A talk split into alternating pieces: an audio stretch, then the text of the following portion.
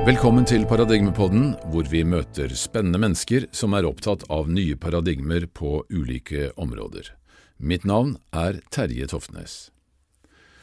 Kjære lyttere, både trofaste og nye, dette her er et aldri så lite jubileum, fordi episode nummer 52 betyr at Paradigmepodden har holdt på i nøyaktig ett år, med 52 episoder på 52 uker. Altså ferdig med sesong én. Det har vært 52 veldig spennende uker, i hvert fall for min del, og også for mine gode medhjelpere Ragnhild og Troll, som har bidratt med innspill og stemmer. Noe av det mest interessante med å lage podkast er jo å treffe mennesker med spennende tanker og innsikter. Og de finnes det heldigvis en god del av. Jobben er bare å søke dem opp og få gjort opptaket, enten i studioet vårt her i Vollen i Asker, eller å dra ut og besøke dem og gjøre opptak med vårt mobile studio eller også via nettet, noe vi helst egentlig unngår på grunn av dårligere lydkvalitet, men også fordi man ikke får samme kontakten gjennom en skjerm som man gjør når man er fysisk til stede, noe som jeg synes er ganske viktig. Men av og til så må man bruke nettet når folk er altfor langt unna.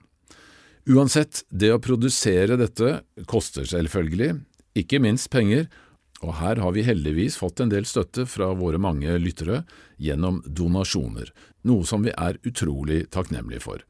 For uten dette så hadde det rett og slett ikke gått. Reklamefinansiering er altså noe vi prøver å unngå så lenge som mulig. Men ja, spennende mennesker har det vært mange av, både i nye opptak, men også samtaler som vi har tatt opp tidligere i forbindelse med våre dokumentarfilmer gjennom de siste 15–20 årene. Vi har jo vært så heldige å treffe mange notabiliteter, for å si det sånn, på våre reiser både inn- og utland gjennom disse prosjektene, men hvor vi bare har brukt noen få minutters klipp i filmene, selv om mange av disse intervjuene har vært opptil to timer lange.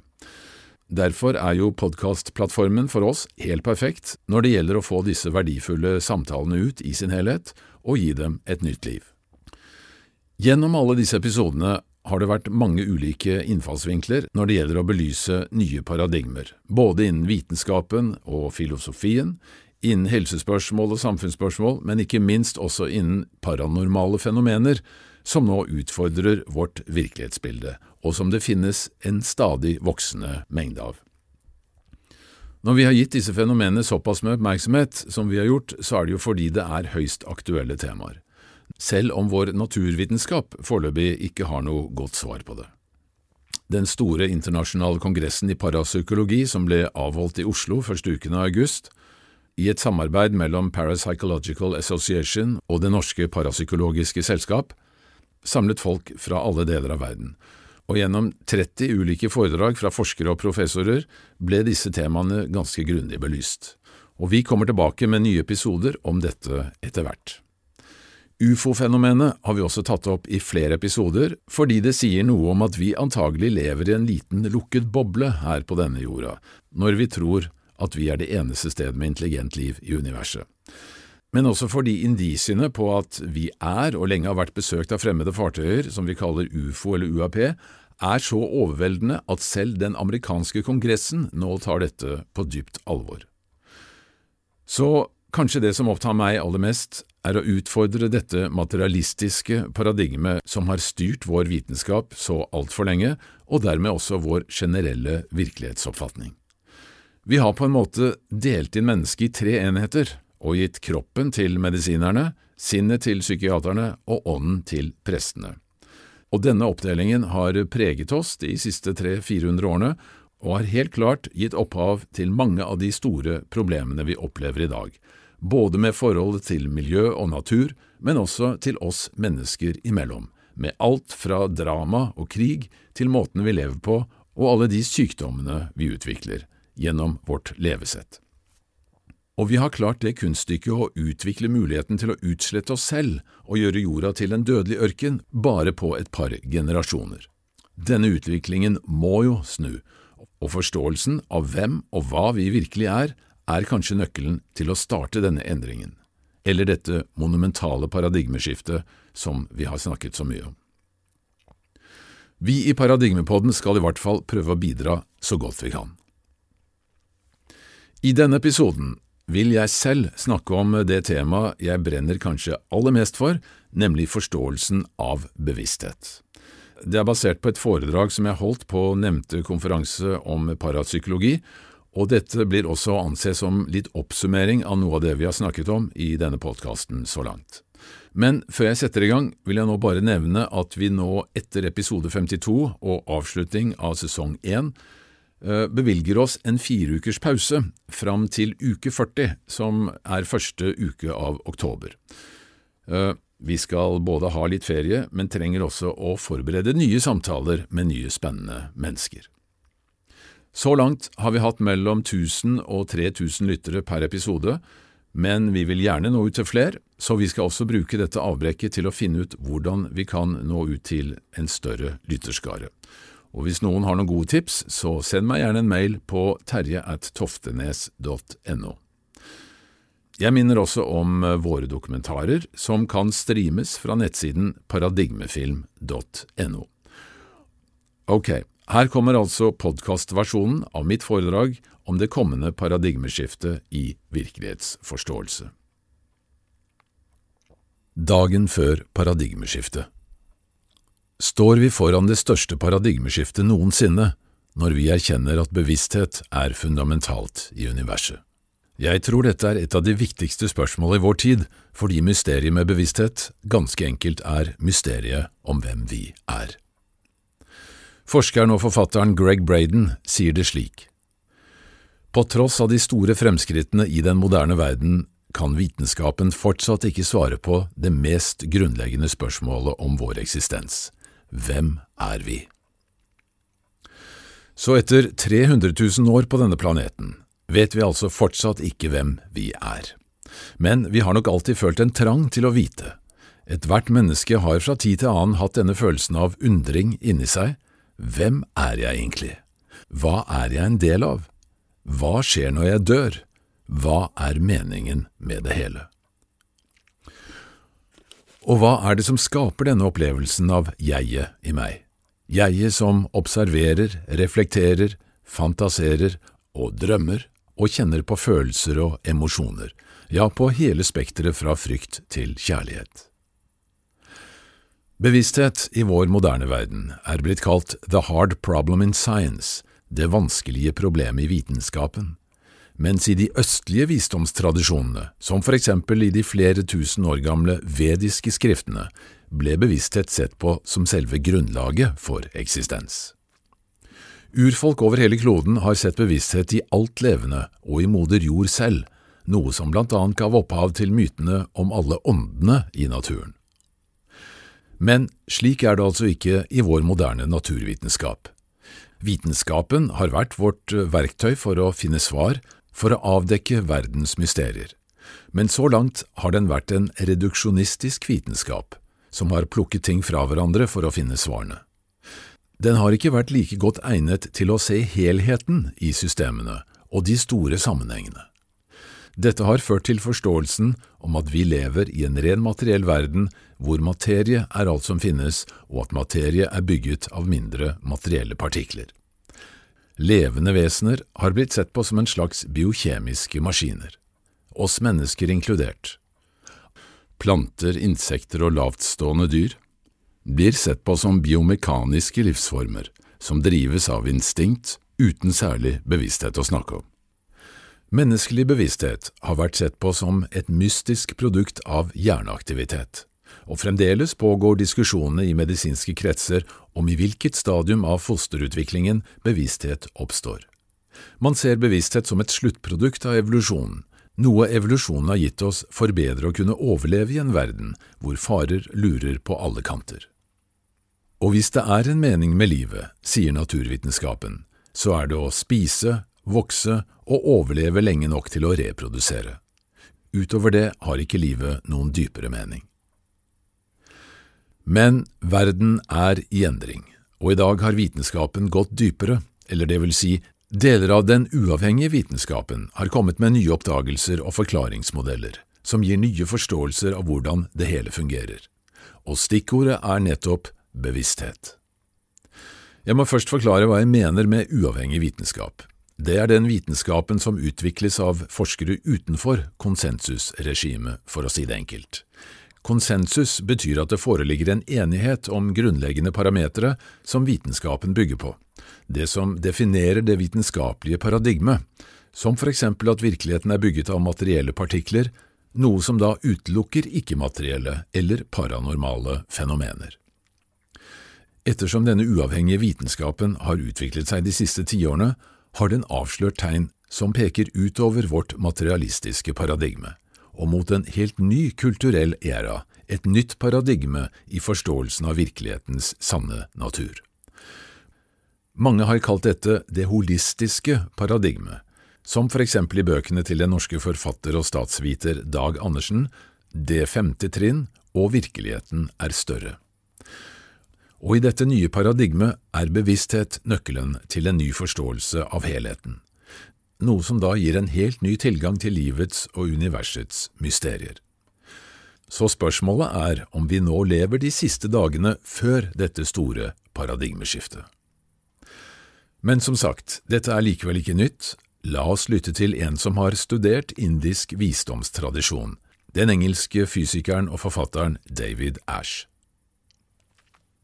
The Greek philosophers speculated that our world is formed out of minute material particles moving, moving in a void of space, and this is the origins of materialism. Whereas in ancient India, the yogis could probe the atom with their minds using the animacity. They shrank their consciousness down into the atom, and what they saw was spin. The particles that we call electrons and protons are not material entities, they are systems of spinning energy. And the spin creates all the properties of materiality. In other words, the inertia of mass, the extension in three dimensions that we experience in matter and space, the force fields of electric charge, magnetism, and gravity can all be explained by this vortex motion. So, scientists in the orthodox normal world are busily explaining away spiritual, psychic, supernatural phenomena. They explain away non material worlds. And I'm explaining away materialism. I'm showing that in fact we live in a non material world. Because Albert Einstein is difficult to understand not because of his mathematics or his theories, but because of his worldview. What he's believed is that matter and light are real, but there is no material substance underlying them. And this is what we learn from the East. In the East, in Buddhism, in Hinduism, we're taught that there's nothing underlying the world except pure movement pure activity, pure change. And this idea of material, material particles underlying everything is an illusion created by the vortex. And in India they called it maya, illusion. So what we realize that our world is formed of energy where energy is nothing but pure movement. Energy, particles of energy are more like thoughts than things. So we're living in a mind. We're living, if you like, in a dream. We're living in an incredible active imagination. So, the underlying bedrock of reality is pure consciousness. The consciousness imagines everything into existence. Bevisstheten forestiller seg alt til eksistens, sier David Ash. Kan det virkelig være sånn? Den norske forfatteren av den prisbelønnede boken om parapsykologi Våre skjulte evner, idéhistorikeren Terje Simonsen, han bruker metaforen frossen bevissthet om materie. Han bruker også betegnelsen det mentale internett for å forklare fenomener innenfor parapsykologien. Men igjen, hva er egentlig bevissthet?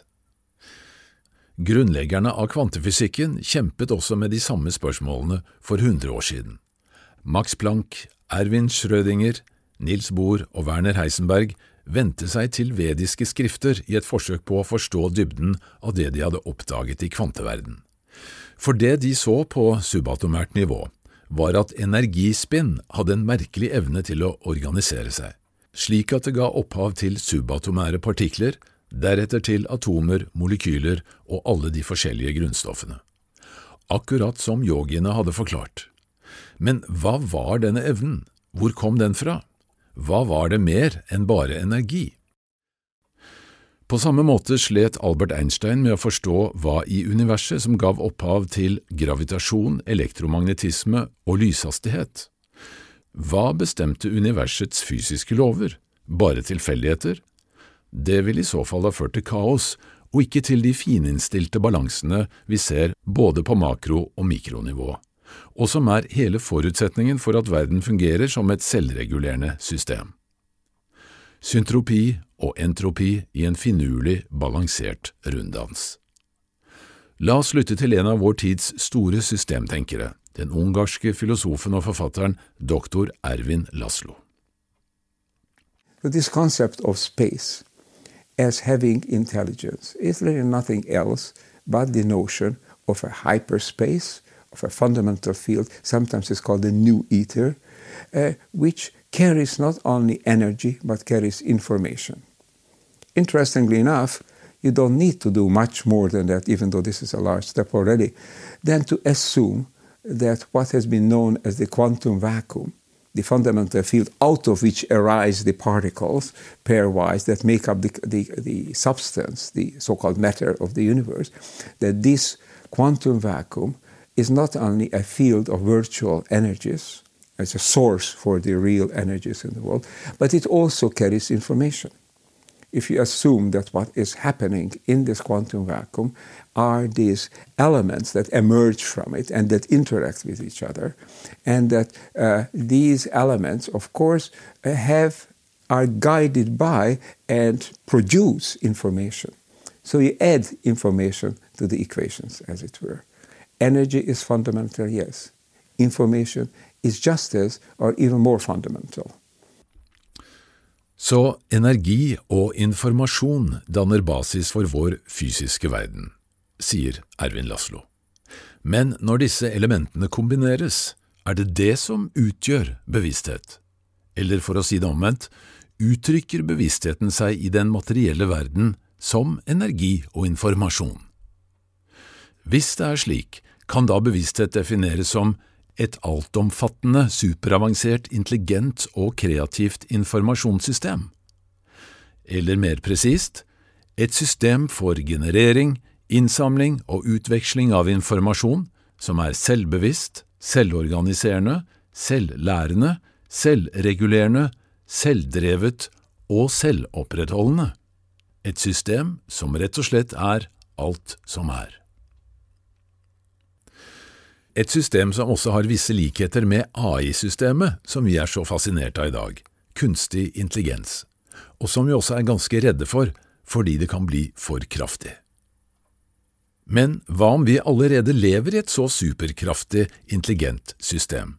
Ikke et kunstig, men et helt ekte, kanskje til og med guddommelig system. Som David Ash sa, vi lever i et sinn. Og i dette sinnet fungerer jeg egentlig som en avatar, hvor kroppen min er en slags biologisk og nevrologisk opplevelsesrobot, som sjelen bruker for å manøvrere i denne materielle delen av systemet, vår 3D-verden. Den amerikanske professor i kognitiv vitenskap Donald Hoffman foreslår i sin bok The Case Against Reality at materien kan sammenlignes med et grensesnitt i et superavansert OS, et operativsystem, hvor alle livsformer er som ikoner på et dataskrivebord. Sammen med ham er det nå flere forskere som mener at dette kan være tilfellet, fordi det passer med dataene i den nye vitenskapen.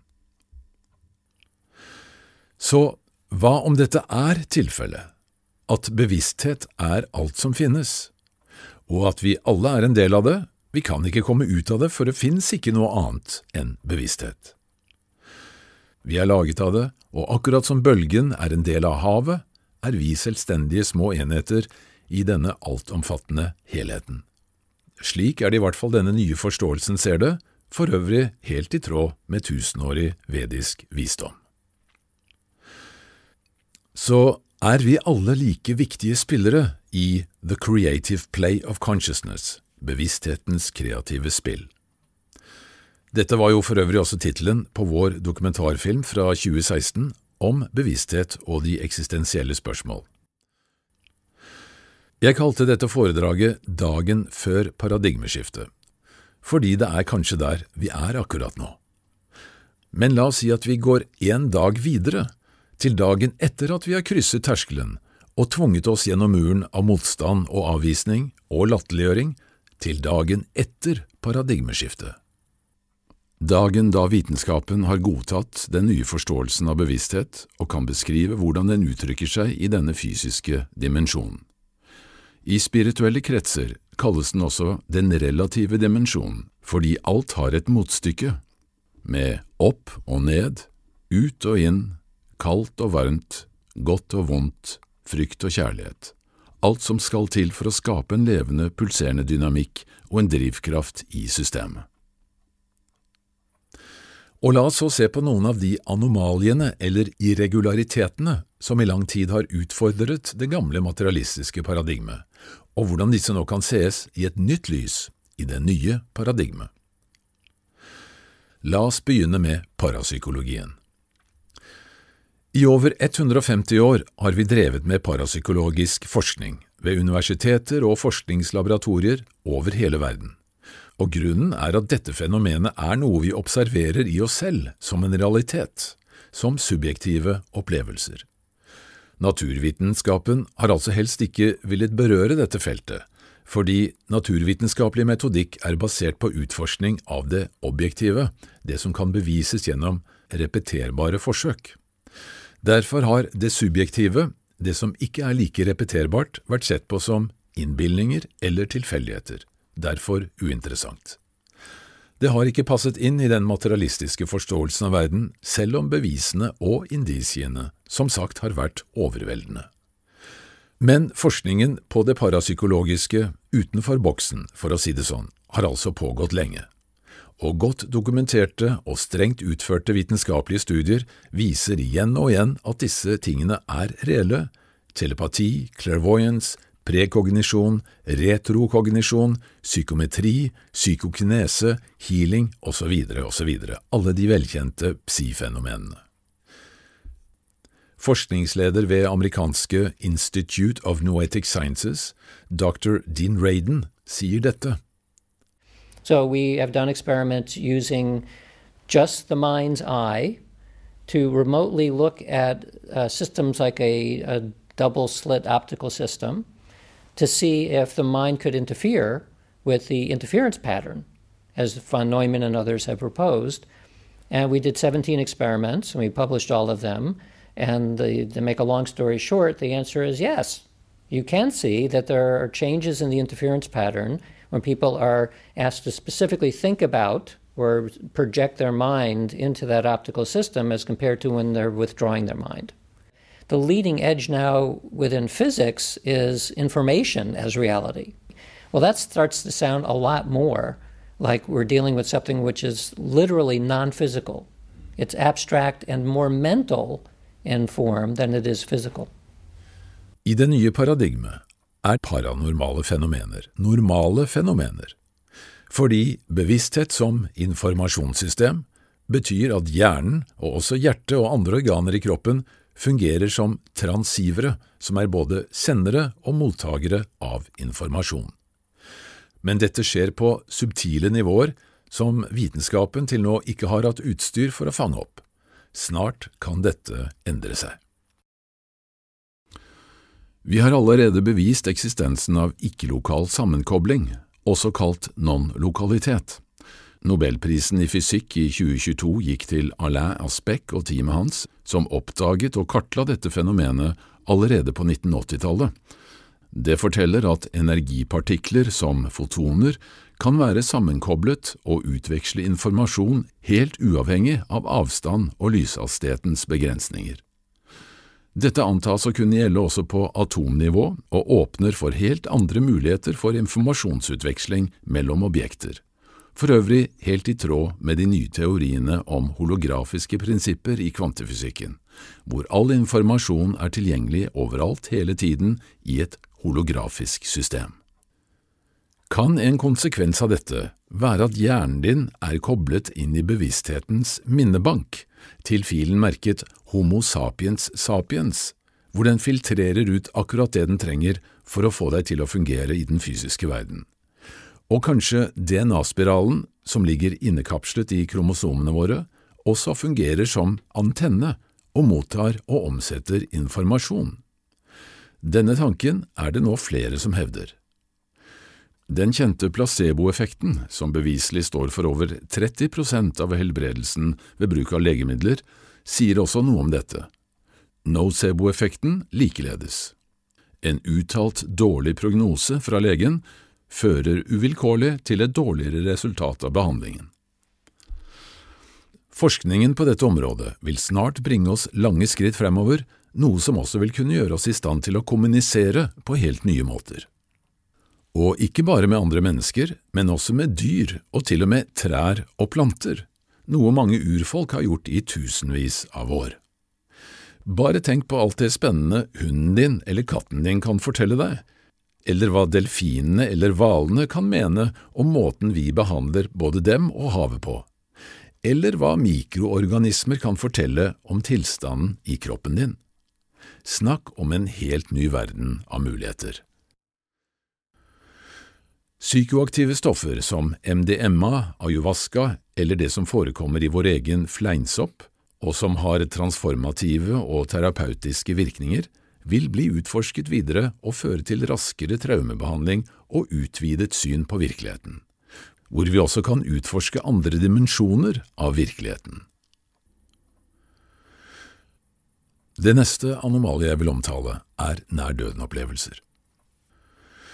Forskningen til folk som Raymond Moody, Pim Pham Lommel, Sam Parnia, Peter Fenwick og mange andre har vist at under omstendigheter med hjertestans eller tilfeller av koma med null hjerneaktivitet, rapporterer rundt 20% å ha hatt en opplevelse av å forlate kroppen og sveve opp under taket i sykehusrommet, og til og med ut av rommet mens gjenoppliving pågår. Dette er velkjente ting og har også nettopp vært gjenstand for et stort forskningsprosjekt på Det norske Rikshospitalet. Folk som opplever dette, forteller også at de flyter gjennom en tunnel, ser livet passere i en revy og møter avdøde slektninger og kjæledyr i vakre omgivelser, og de beskriver også et hvitt lys med en enorm kjærlighet. Tusenvis av slike historier er blitt dokumentert over hele verden, og mange titalls bøker er skrevet av opplevere. Aksepten av dette som et reelt fenomen vil prege det nye paradigmet, og døden vil få en helt annen betydning, noe som igjen vil endre synet på døden og forholdet til hvilke verdier som settes høyest i selve livet. Studier av ut-av-kroppen-opplevelser, døden og etterlivet vil bli et nytt prioritert forskningsfelt. I dag tilbys det allerede kurs flere steder i verden for de som ønsker å provosere frem ut-av-kroppen-opplevelser, noe som kan læres i løpet av noen uker. Dette vil også utvikle seg videre som en attraktiv måte å utforske selve og virkeligheten på. Så la oss se på anomaliene i evolusjonsteorien, hva man gjerne kaller darwinismens paradoks. Darwins teori om utvikling gjennom naturlig utvalg var en fengslende og frigjørende teori da den ble lansert for 150 år siden. Gjennom det materialistiske paradigmet har den vært den mest sannsynlige og logiske forklaringsmodellen i naturvitenskapen. Men teorien ble også utfordret av flere forskere, som blant annet Michael Behe i boken Darwin på retur. Ikke-reduserbar kompleksitet var nøkkelordet. Det betyr at når en avansert biologisk organisme består av en rekke ekstremt komplekse systemer, hvor alle deler av systemet må være på plass samtidig for at det skal fungere, er det ekstremt usannsynlig at alle disse delene kan utvikle seg parallelt gjennom tilfeldig evolusjon over lang tid, for så til slutt å forenes i et komplett velfungerende system. Organer som et øre, et øye eller et balanseorgan som alle mennesker, dyr og insekter er helt avhengig av, er så superavanserte og komplekse i sin utforming og funksjon at det er nesten ubegripelig at det fungerer i det hele tatt. Men de gjør det, i alle sine varianter og tilpassede utgaver. Det er et av naturens mirakler, sier biologene. Men hvordan kan så mange komplette mirakler bare skje ved en tilfeldighet, spesielt når 99,9% av alle mutasjoner i genetisk materiale ifølge vitenskapen skaper en degenerasjon av funksjon og ikke en forbedring? Vel, i det nye holistiske paradigmet blir evolusjon forklart annerledes. Evolusjon er ganske enkelt bevissthetens kreative spill. Den biologiske arkitekturen er blitt utviklet gjennom et intelligent feedback-system, hvor kontinuerlig tilbakemelding evalueres av systemet for dermed å bestemme neste skritt i utviklingen. Dette forklarer også hvordan artsmangfoldet kan ha utviklet seg mye raskere enn om naturlig seleksjon skulle vært konseptet, og hvordan genetiske forbedringer umiddelbart spres til alle individer av arten, uavhengig av geografiske avstander, gjennom subtile informasjonsfelt. Dette gjelder innen alle de ulike grenene av planter, insekter og dyr, oss inkludert, grenseløs kreativitet i en finjustert balanse. Den engelske biologen Rupert Sheldrake har lenge hevdet dette, og han kaller det morfisk resonans, hvor subtile bevissthetsfelt styrer utviklingen av alle naturens arter. I det nye paradigmet åpner dette for å forstå mekanismene og biologien i naturen på en helt ny måte.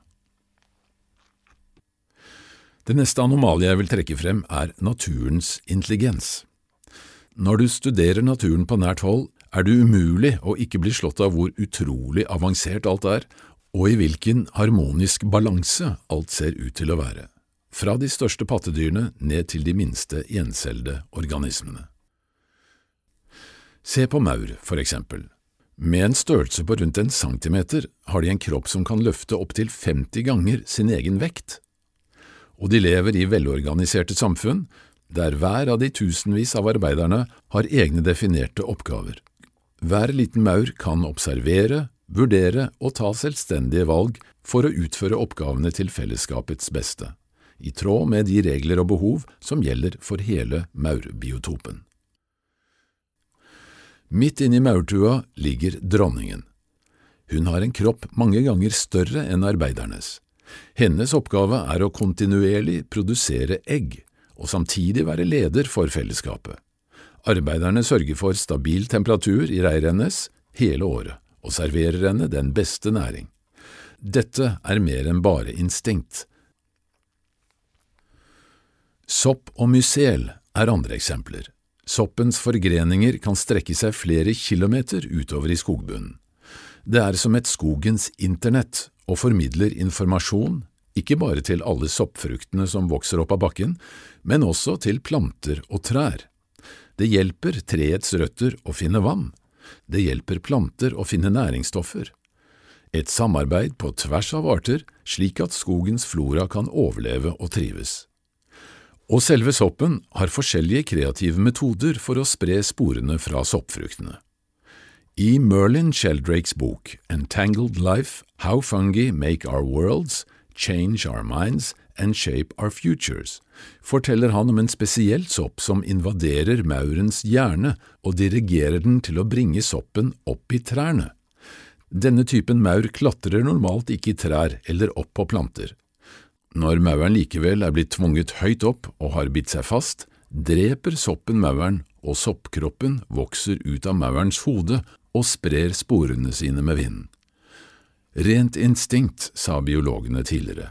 I dette nye perspektivet kalles det kreativ intelligens.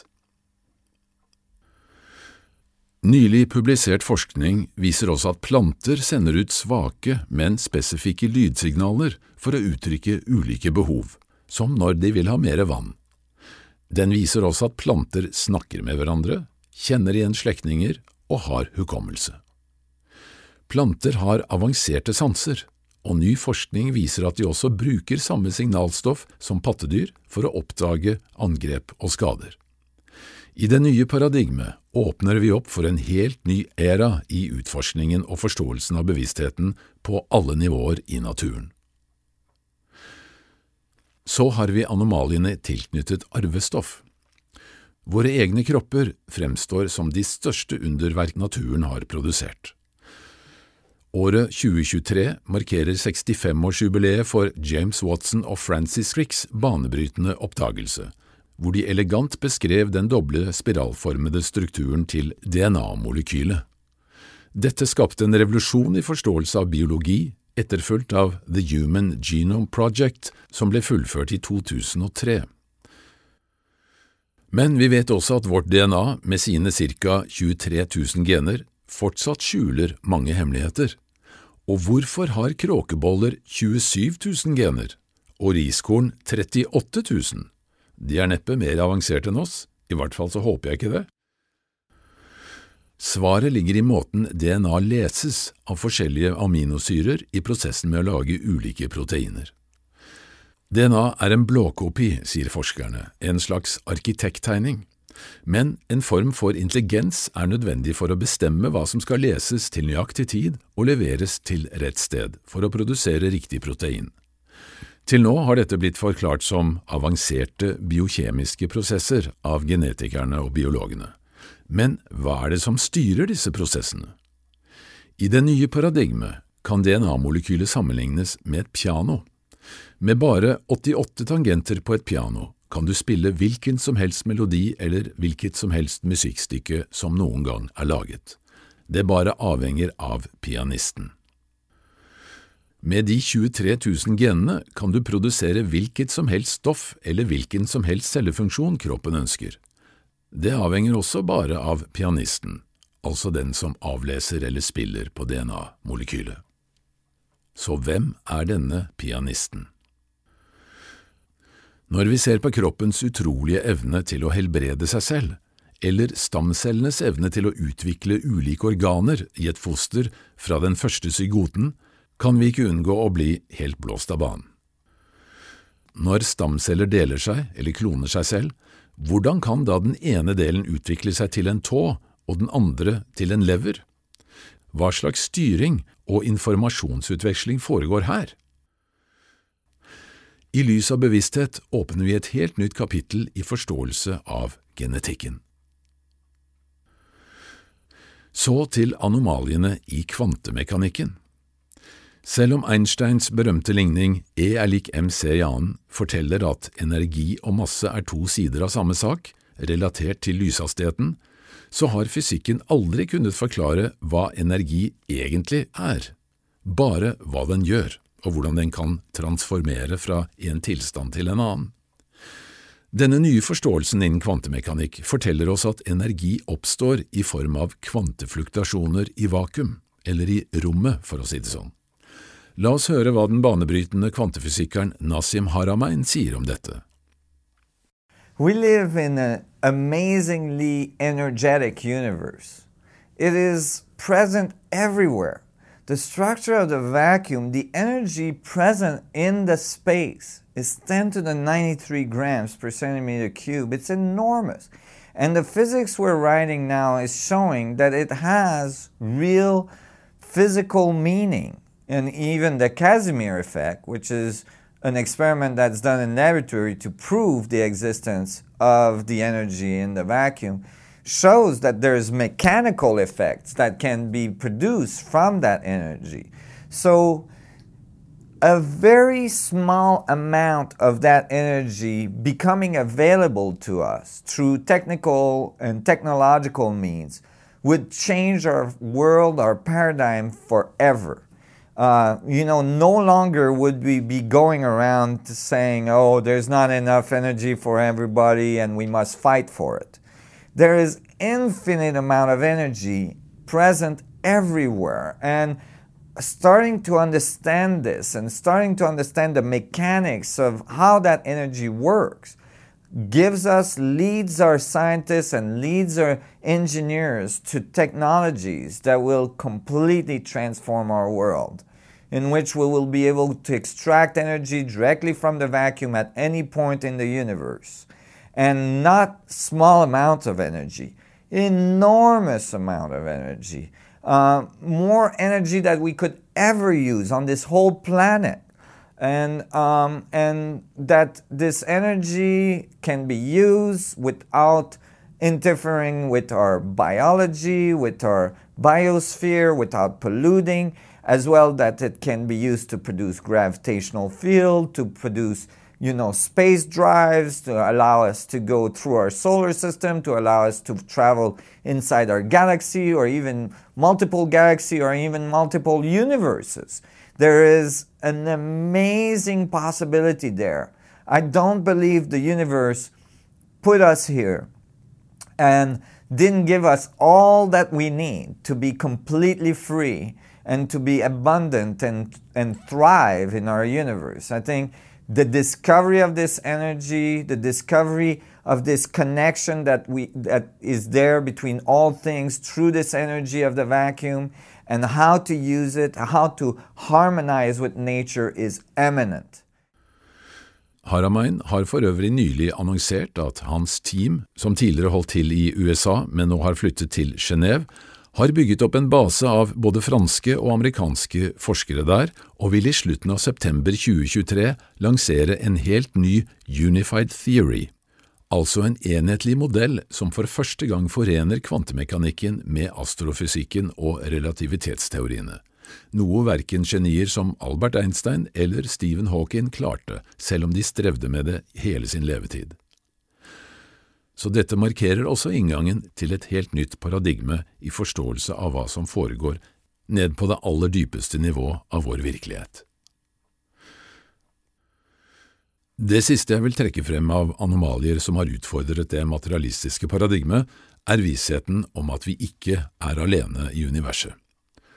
Våre nye romteleskop har per dato påvist 40 milliarder planeter i vår galakse med mulige forhold for liv og mer enn 200 milliarder galakser innen synlig rekkevidde.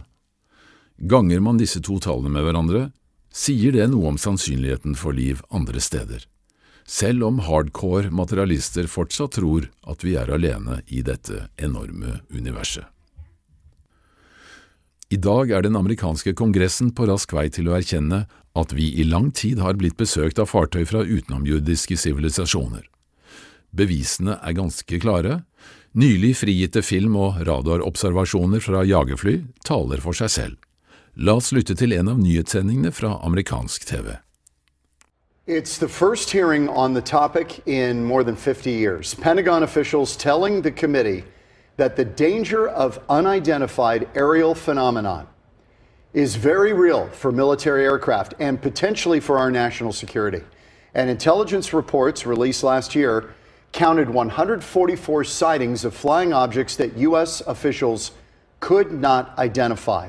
Lawmakers were shown several video clips of objects that the Pentagon says they cannot explain. That is correct. It is verified that UFOs are real, they're physical objects, that they are machines, that they outpace, outmaneuver, and outperform our greatest weaponry, that they can turn on and off our nuclear weapons, that we don't know where they come from. Og igjen i juli 2023 sto tre varslere fra høyeste hold innen forsvar og etterretning frem med utrolige vitneforklaringer. Spesielt vitnesbyrdene til etterretningsoffiseren David Grush skapte overskrifter over hele verden. Alle som har vært opptatt av ufo-fenomenet, jublet. Endelig skulle vi kanskje få en etterlengtet avsløring av hva som har og fremdeles foregår bak lukkede dører.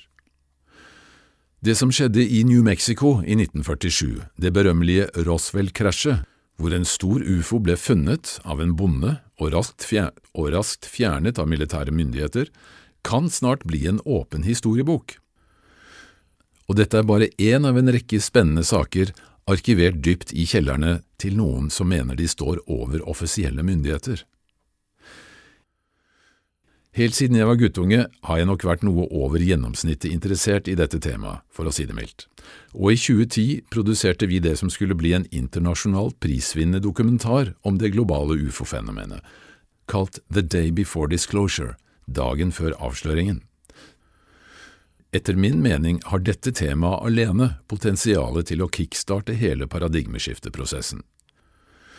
I august 2017 ble The Academy for the Advancement of Post-Materialist Sciences, forkortet AAPS, grunnlagt av professorer innen psykologi, medisin, psykiatri og neurologi, og basert på et manifest signert av over 300 forskere og filosofer. Denne internasjonale organisasjonens formål er å fremme forskning som på et vitenskapelig, evidensbasert grunnlag støtter at bevisstheten og ikke materien utgjør tilværelsens primære dimensjon. Det i seg selv synes jeg er ganske fantastisk. Og dette bekrefter igjen at raskere enn vi kan forestille oss, kan vi ønske dagen etter paradigmeskiftet velkommen, det neste store skrittet i vår utvikling som sivilisasjon, vår neste kulturelle æra det holistiske paradigmet. Så til slutt, tilbake til det første spørsmålet, hvem er vi? Det vi kan slå fast, er at den nye fysikken har brakt oss et vesentlig skritt nærmere svaret på dette spørsmålet, samtidig som den forener ny viten med årtusengammel visdomstradisjon. Så, med fare for å virke altfor pretensiøs, vil jeg likevel prøve meg på en oppsummerende forklaringsmodell, i tråd med nyere spirituelle forståelsesmodeller. Vi er individuelle, lokale, materielle manifestasjoner av bevissthet, i bevissthetens store hav. Vi er selvstendige deler av samme helhet, men med egen fri vilje og en subjektiv opplevelse av alle andre objektive manifestasjoner i vår rom-tid-dimensjon. Dette gir oss et relativt perspektiv på alt rundt oss, noe som er forutsetningen for å kunne gjøre individuelle erfaringer. I opplevelsen av nåtid utforsker vi muligheter og erfarer konsekvenser av våre valg basert på vårt individuelle design, våre personlige potensialer og lidenskaper. Kontinuerlig mater vi erfaringene tilbake til helheten og bidrar i så måte til å forme den videre utviklingen av helheten. Og nettopp fordi vi er en integrert del av helheten, påvirker vi hele tiden alt, med alle de implikasjoner det innebærer. Vi er sjeler i en fysisk innpakning, sier denne forståelsen, hvor emosjoner og følelser er sjelens kompass, tanken og viljen er sjelens drivverk, og kjærligheten er sjelens drivkraft. I motsetning til den vanlige oppfatningen om at det er du som lever livet, er det derimot livet som lever deg, gjennom ditt spesielle design og din kreativitet, som en unik og verdifull del av bevissthetens kreative spill. Jo mer du blir bevisst dette, jo mer kan du styre opplevelsen i retningen din sjel ønsker.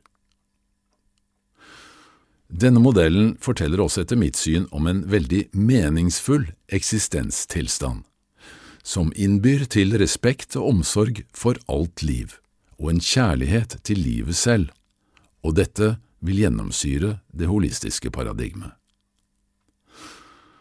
I det minste kan vi med stor grad av sikkerhet slå fast at virkelighetens natur er langt større og mer spektakulær enn vi noen gang har forestilt oss og at fremtiden er full av nye og spennende muligheter. Personlig har jeg en stor tro på at mine barnebarn og deres etterkommere vil oppleve en langt bedre og mer meningsfull verden. Jeg håper dette har bidratt til å så noen tanker og ideer om hvor vi kan være på vei.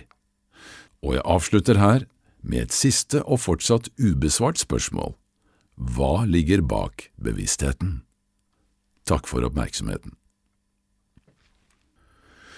Vel, dette var uh, mitt innspill uh, i episode nummer 52 av Paradigmepodden. Og alle de som uh, jeg henviste til i dette foredraget, eller i hvert fall de aller fleste av de, har vi også laget episoder med i tidligere utgaver av denne podkasten, så det er bare å søke opp. Helt til slutt vil jeg bare gjenta at uh, vi nå tar en liten pause og kommer tilbake da i første uke av oktober, og da med nye, ferske samtaler som ytterligere belyser alle disse utrolig spennende temaene. så vil jeg også få minne om vårt VIPS nummer 524 005. 524 005. Og mange tusen takk til alle dere som bidrar. Så jeg sier bare til slutt, vi sees da i neste episode av Paradigmepodden.